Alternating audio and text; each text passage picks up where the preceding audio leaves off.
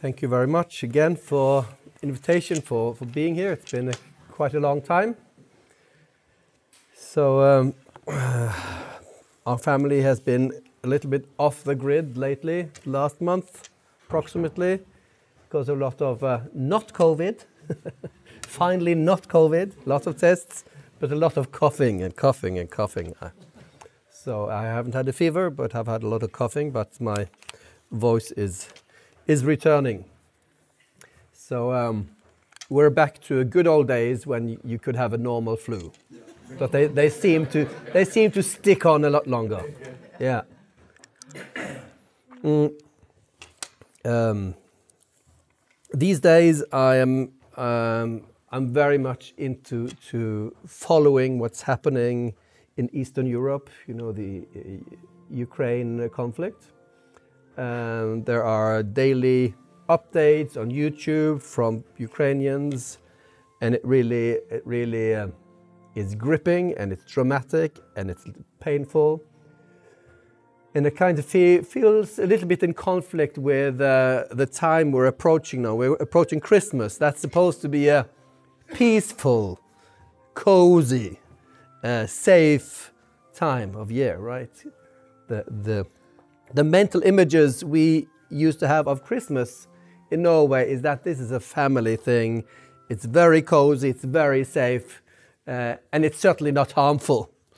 Uh, but actually, I think the, the, or, the original meaning of Christmas is actually closer to what's happening in Ukraine than what's happening in our mind when we think about Christmas. A lot of eating, a lot of gifts, and sitting warm. You know, the, the story about Jesus is not a cozy story of, uh, oh, a beautiful young lady who was so happy about this kid.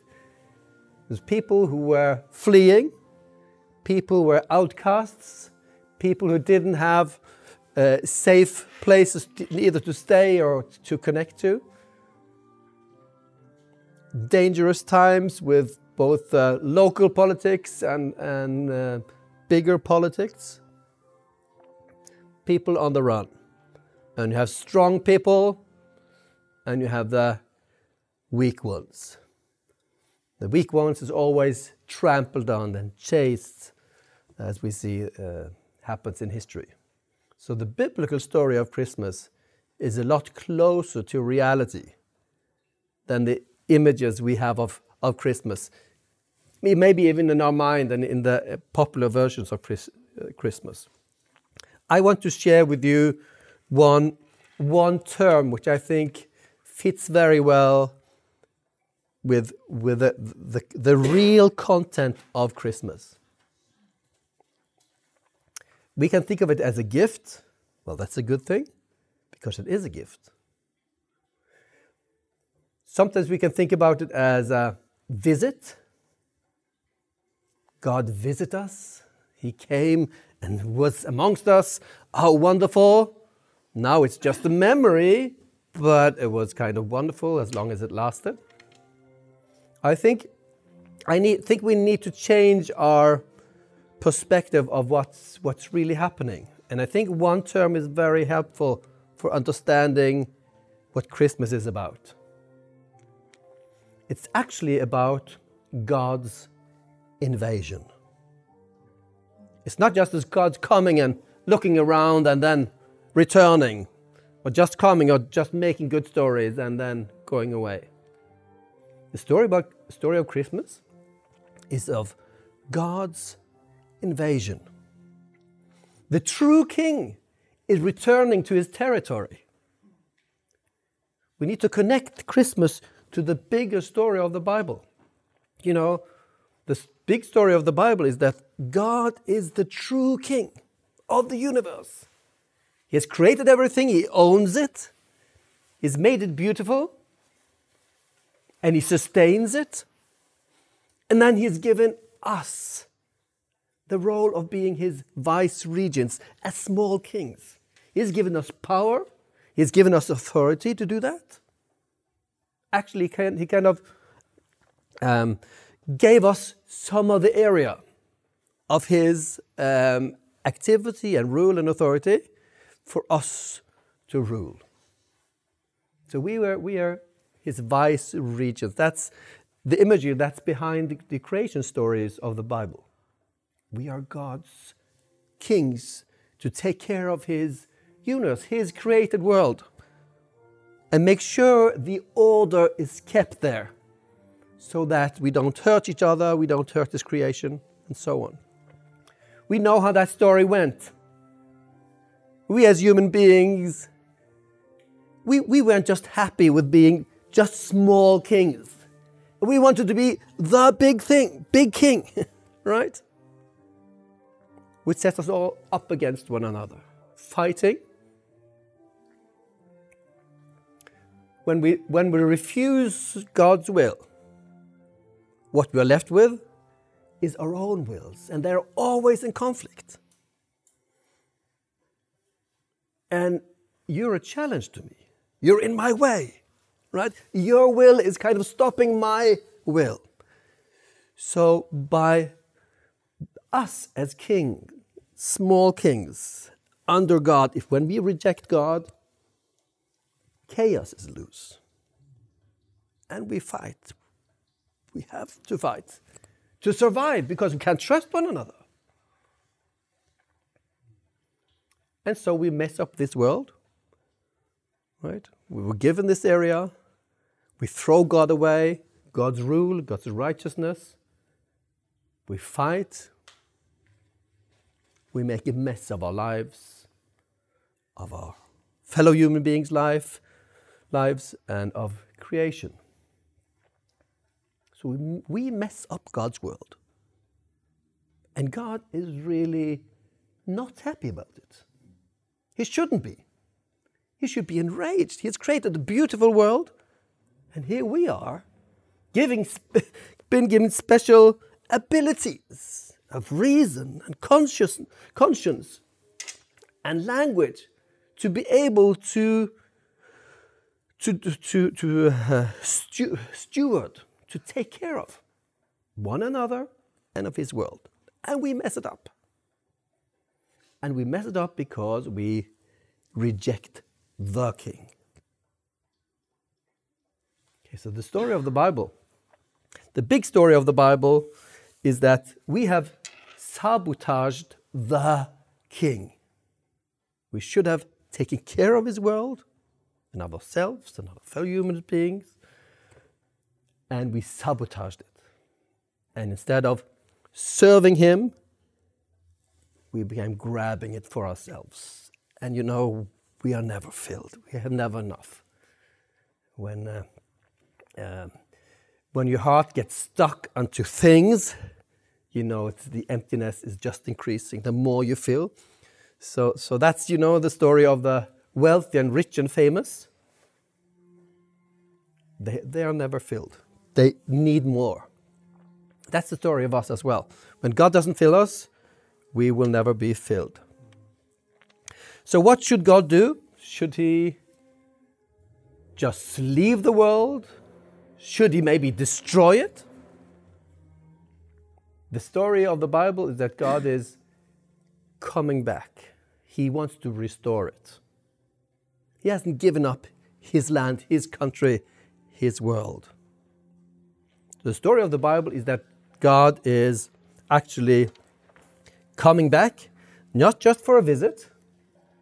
You know, I think the, Christian idea is very often that Jesus came, died for our sins, so we should go to heaven when we die.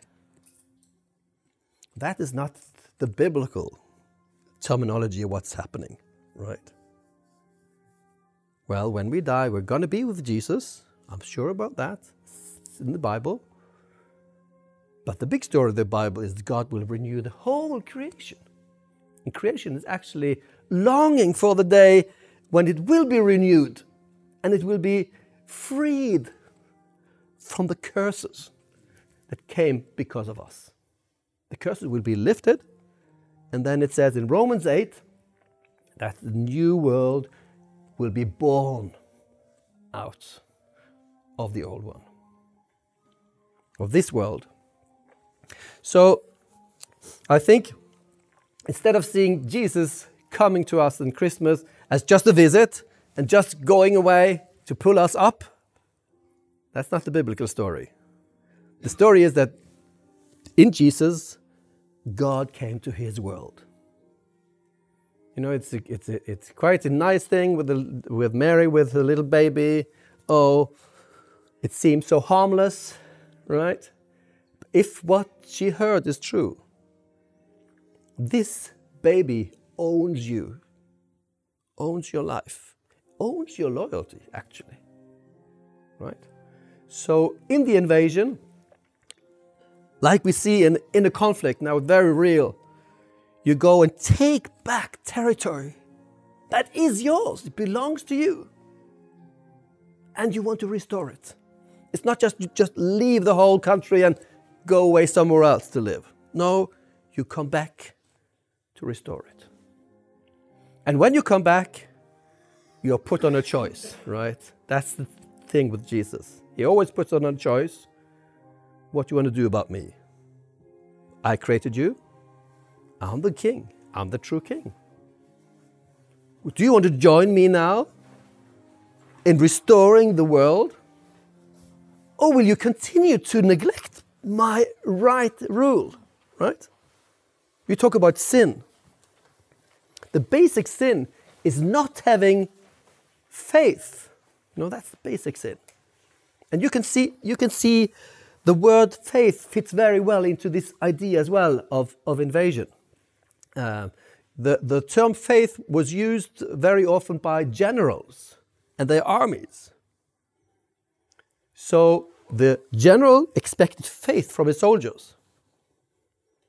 Does not mean that the soldiers had to believe that the general existed. Faith means loyalty, right? So when the army comes, when Jesus comes, he doesn't ask you, well, can you try to imagine how I am, how beautiful I am, or so on?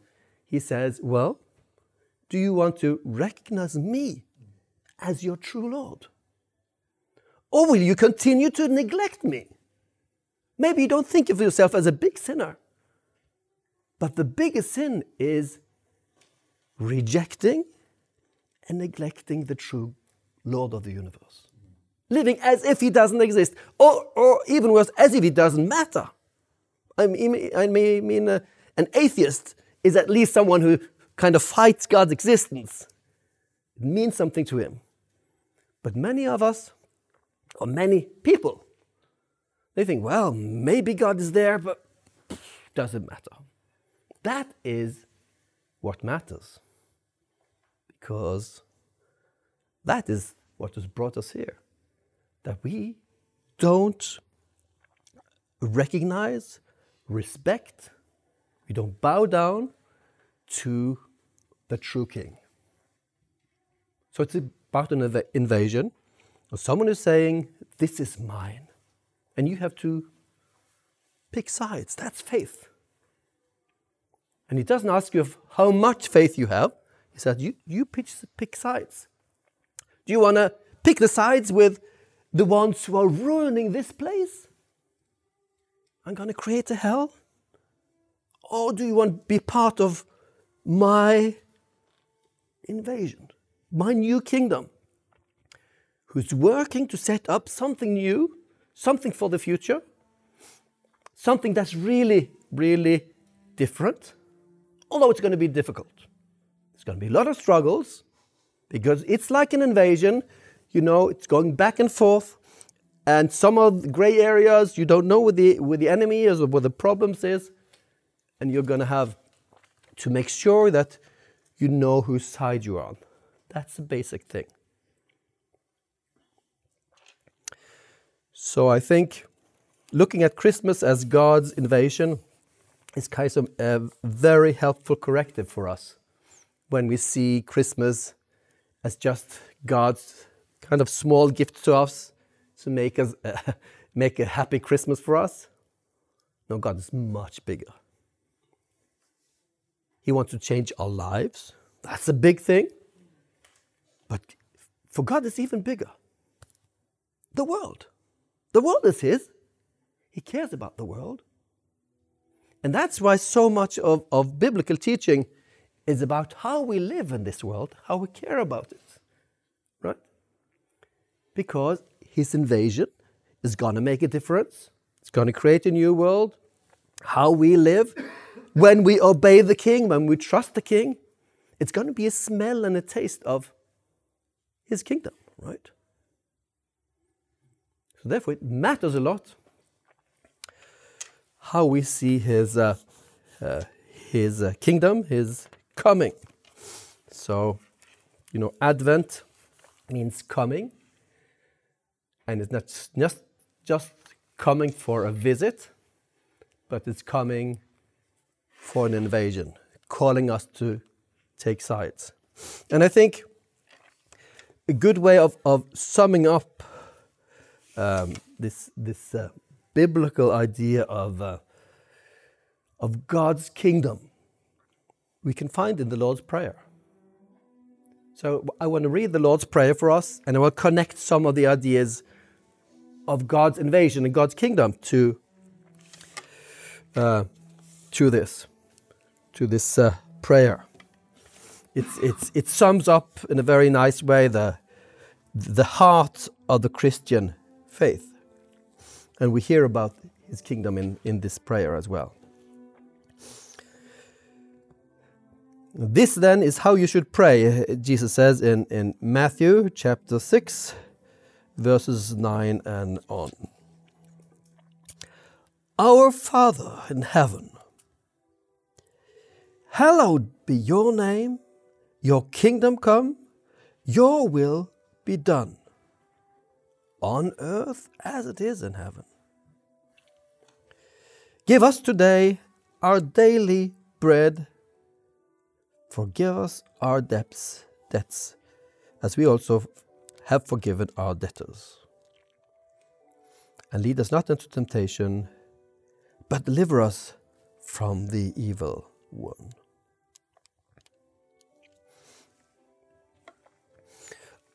Our Father is the way God wants to be addressed not just as a general or ruler or God or Lord, but as a father. Someone we can trust, someone we can have a relationship with. And let's see what's on his agenda, because the Lord's Prayer starts not with our needs, but starts with a bigger picture, with God's intention, who He is, because that gives, that gives the meaning and context for who we are and what we need. So the first the first part of the prayer is hallowed be your name or you your name be seen as sacred or holy. Is God so serious about his name, his reputation? Is he, is he a little stingy or uh, self uh, uh, obsessed? Does he always want us to say good things about him? You know, reputation is very important. Especially, especially if you're on an invasion, if you're about to take back your country. Right? Who is this person? Is this the person who's ruining our country? What's his intentions? How can we trust this person? So for God to for us to be able to trust God, his name needs to be recognized and respected. Right? We can't trust him if his name is stepped on, ridiculed, or just, just ignored. So, if we can't turn to Him, He is our only hope. But we spread a rumor that you can't, you can't trust Him. He might be dangerous, He might be harmful. Stay away. You know, that's the most dangerous lie that can be spread, and it's spreading all the time. very much in the West these days. God is a dangerous thing. You never know what's going to follow as soon as you believe in God. Lots of crazy stuff. And that is keeping people away from trusting Him. That's the most dangerous thing. It's just like if you if you if you have had an ulcer and needs to go to the doctor, but you don't trust the doctor, right? You wouldn't go to him because he's not competent, or maybe something else. But if you don't trust him, you would not go to him. Like in the society, police. If you don't trust the police, well, it's going to be very hard for you.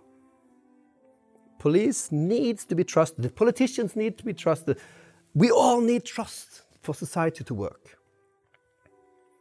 God needs trust for us to be able to relate to Him.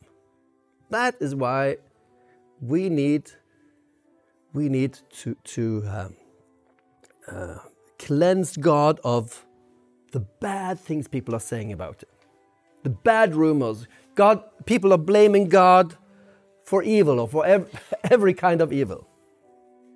In the Bible, God says, This is not my intentions. I didn't intend the world this way. You human beings are doing this, and you're still doing it. And the reason things go wrong is that you don't recognize me as your king. So his name and trusting in him is our only hope. That's why it, his name needs to be seen as something holy. And then, secondly, your kingdom come. It's not like we are going to his kingdom. His kingdom is coming here. It came with Jesus Christ. The Christian church is part of God's kingdom. We pray for his kingdom to come to this world in our lives, in our fellowships, in Christian settings, in Kristiansand and the world. Kingdom means rule. Someone is ruling, someone is making decisions.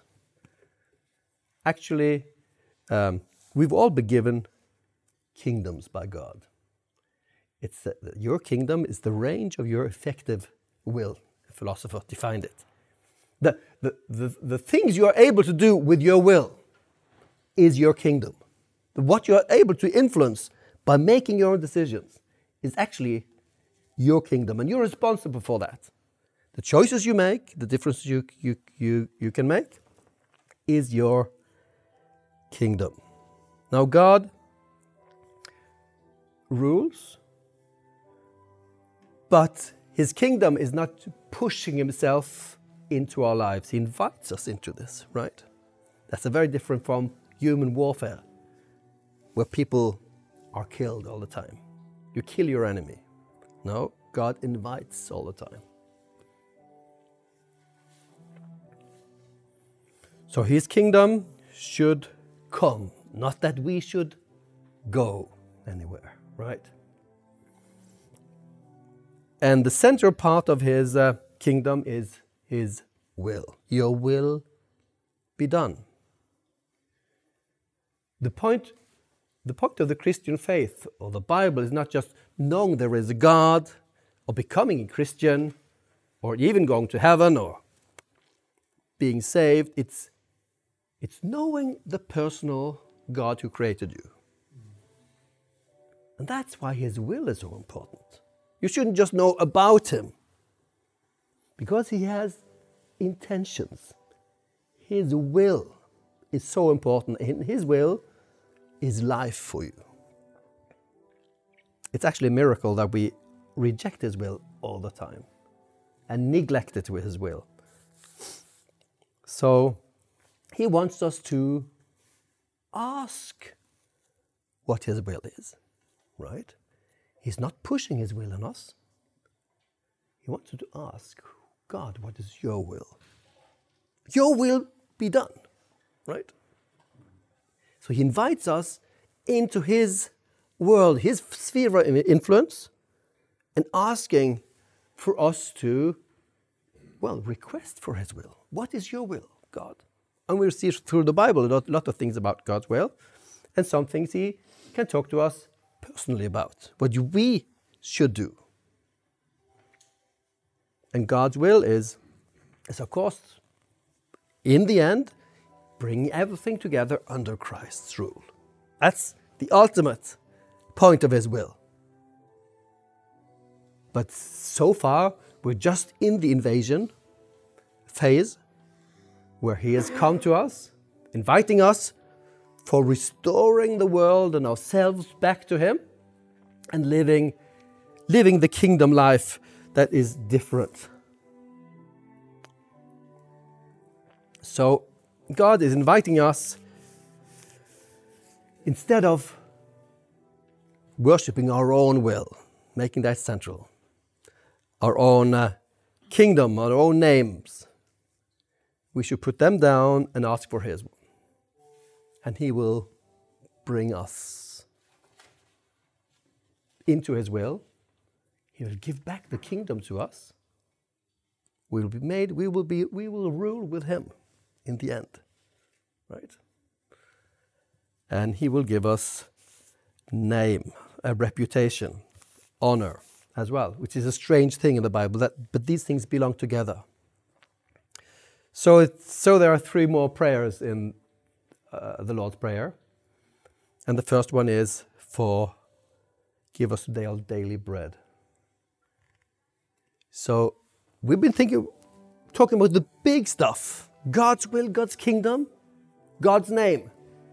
Now, God feeding us, giving everything we need, is part of His will, part of what He wants for us. And of course, our daily bread stands for everything we need. It's not just about the food or the bread. And it's very interesting that the word bread is used here because that's the poor man's meal at that time, right? It's not prepare big feast for me every day, God. No. Give us our daily bread, give us what we need so we don't have to go hungry. So it's inviting us to be humble and sensible about our consumption as well. That's a good reminder for Christmas. We can be gracious, we can be uh, giving people things, that's a good thing, but daily bread. God wants us to, to tell us about His need, our needs, tell Him about our needs. That's about that's our daily bread. That's our material needs. And then there's one more thing and forgive us our sins. Why could it be that people not, are not fed? Why do people go hungry today? It's not because of God, it's because of us, it's because of war, it's because of politics, of conflict, of egoism. So forgive us our sins, go together with our needs are not met. We are part of what, what makes life difficult for one another. We need to ask for forgiveness for our sins. Now, that's, that's our spiritual need. In, in the big picture of, of the Christian faith, our problem is not that we're lonely, not that we're weak, not that we're sick, not that actually that we are dying even because our God's there. Our big problem is God Himself. And that we've set ourselves up as enemies of Him. We don't recognize Him. So we need to be reconciled to God. That's sin, what sin is about. Rejecting, neglecting the God who creates us. Forgive us our sins. That's neglecting God when you're not a Christian but also in our lives as Christians, where we so quickly neglect and forget God, right? In practical ways. So we practice sin uh, by not recognizing Him as part of our lives, our everyday lives. So forgive us our sins as we forgive those who trespass against us, who sin against us. Again, when we're in, when we pray to God, we are entering into God's presence with our needs, right? And we listen to Him, who He is, His kingdom, His will, and He fills our needs both materially and spiritually. And when we see that our biggest need is forgiveness for rejecting God, the biggest sin, forgiveness is the way to salvation. How can we not work for forgiveness amongst ourselves and among human beings? Right? It makes a lot of sense in the bigger picture. Forgiveness is the way God reaches out to the world and brings us back to Him. We can't say stop to that. It's okay, you, God, forgive. I cannot forgive. Right? There are very strong stories about the Bible about that. Someone who's not forgiving his neighbor. That doesn't feel that doesn't mean that we can't still carry on pain from some, something that's done to us. But we should not seek revenge. God, the revenge is with God. That is, uh, that is uh, what forgiveness is about. And we know that forgiveness is not just an easy thing for God. It's difficult for us when something really bad has been done to you. You know, forgiveness is very, very hard work. And bitterness is coming. And you know, God shows He knows this because forgiveness was costly to Him too. You know, in, in Islam and in, in, in, in popular, popular religion, people say, well, can't God just forgive? Do we need all this mess with Jesus and the cross and blood and uh, torture and all this? Can't we just make a clean cut? God can forgive. Well, the story of the Bible is that sin matters. Sin needs to be paid for. Sin hurts someone. Sin hurts God. And on the cross, you see God taking on that pain of rejection, of shame and pain. That is the essence of all sin. God knows what, what the cost of forgiveness is and invites us to be part of His story of forgiveness. So, the invasion is not about us taking on the enemies. That's a spiritual warfare idea, right? It's about the, the, the, the glory of the good news of forgiveness. Be reconciled to God. Come on, be part of this. Come and taste it. It's not just looking forward to something in heaven, it's something that God invites you to now, to be part of His kingdom. Say, yeah, recognize Him as a king. And let God take care of your needs. Or else you're going to run off, fill your life with, with something that's going to make you more hungry all the time. And then the last prayer of uh, this, uh, of the Lord's Prayer, which has been frustrating me, one of the difficult, difficult ones. Lead us not into temptation. Isn't that a strange prayer? How can God lead someone into temptation? Well, this prayer reminds us of the reality of evil in this world. Christianity is not about a, a, a beautiful Christmas story. Everything is, is calm and quiet, and you see this little kid in the snow, happy with his mother, and now everyone is happy forevermore. You know, you can't believe that stuff. The story of the Bible is a lot more dramatic. The evil is real. We see the destruction around us. And also, evil is something that has a pull on us. evil is not something someone else is doing. Evil is something that has a pull on each one of us in our hearts. And we need to recognize it. The, uh, uh, you know, Paul is talking about the devil, the world, that's God's enemies, and the flesh. There is a part of me that is still fighting God and wanting to go his own way. We should recognize that as not to be fooled by our own naivety, right, and our own self will. So, therefore, again, the prayer, do not lead us into temptation, is not that you, God, you, you, you got all this responsibility. It's actually saying, I know, God, when I pray that you should not lead me to temptation, I am aware I should not go where temptation is, right?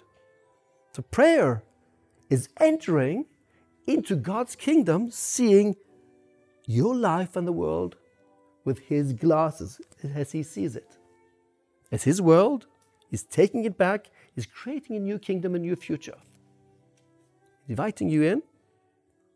And this is a, an exciting story, not just about the kid arriving 2,000 years ago, but the true ruler of the world who said, I am He, I am the Lord. And he showed it by dying on the cross, being a sacrifice for our sins, and then rising from the grave, procla- proclaiming, um, proclaiming that death doesn't have a sting anymore, forgiveness is available, and then he invites all of us to be part of that kingdom of the future. Looking forward to his coming back again. No? Right? He's coming for his world to renew it. There will be a judgment when truth will be spoken, when people will need to answer for their lives. That's what you have to do as as a righteous judge.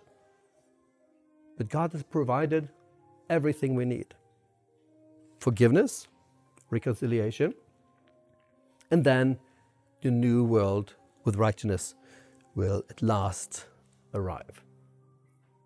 The world that the Old Testament talks about, the lamb and the lion will lie together, with all the weapons will be turned into plowshares and helpful tools. People, instead of fighting, will be friendly. Sitting under their tree, that's the image of, of the Israelite. Everyone sitting under his tree, his, his, his guarding in peace. That's the promise of God. And we will even we will have even more because it's not just we will have peace, but God will be amongst us. He will be here. Let's pray. Heavenly Father, we thank you that uh, you did not leave us or reject us, even if we rejected you. And even if still today part of our life is, is rejecting and neglecting you, we pray that you'll open our eyes so we can see your kingdom and enter into the story of your invasion. That you come to our world, invites us in to be part of proclamation of your future, of your great reconciliation with you as our King, and that we can taste some of this uh, the glory and love uh, of, of who you are. And we, we pray that also this, this Christmas will give us some glimpses of, of who you are or, uh, or your promises once more. Pray this in Jesus' name. Amen.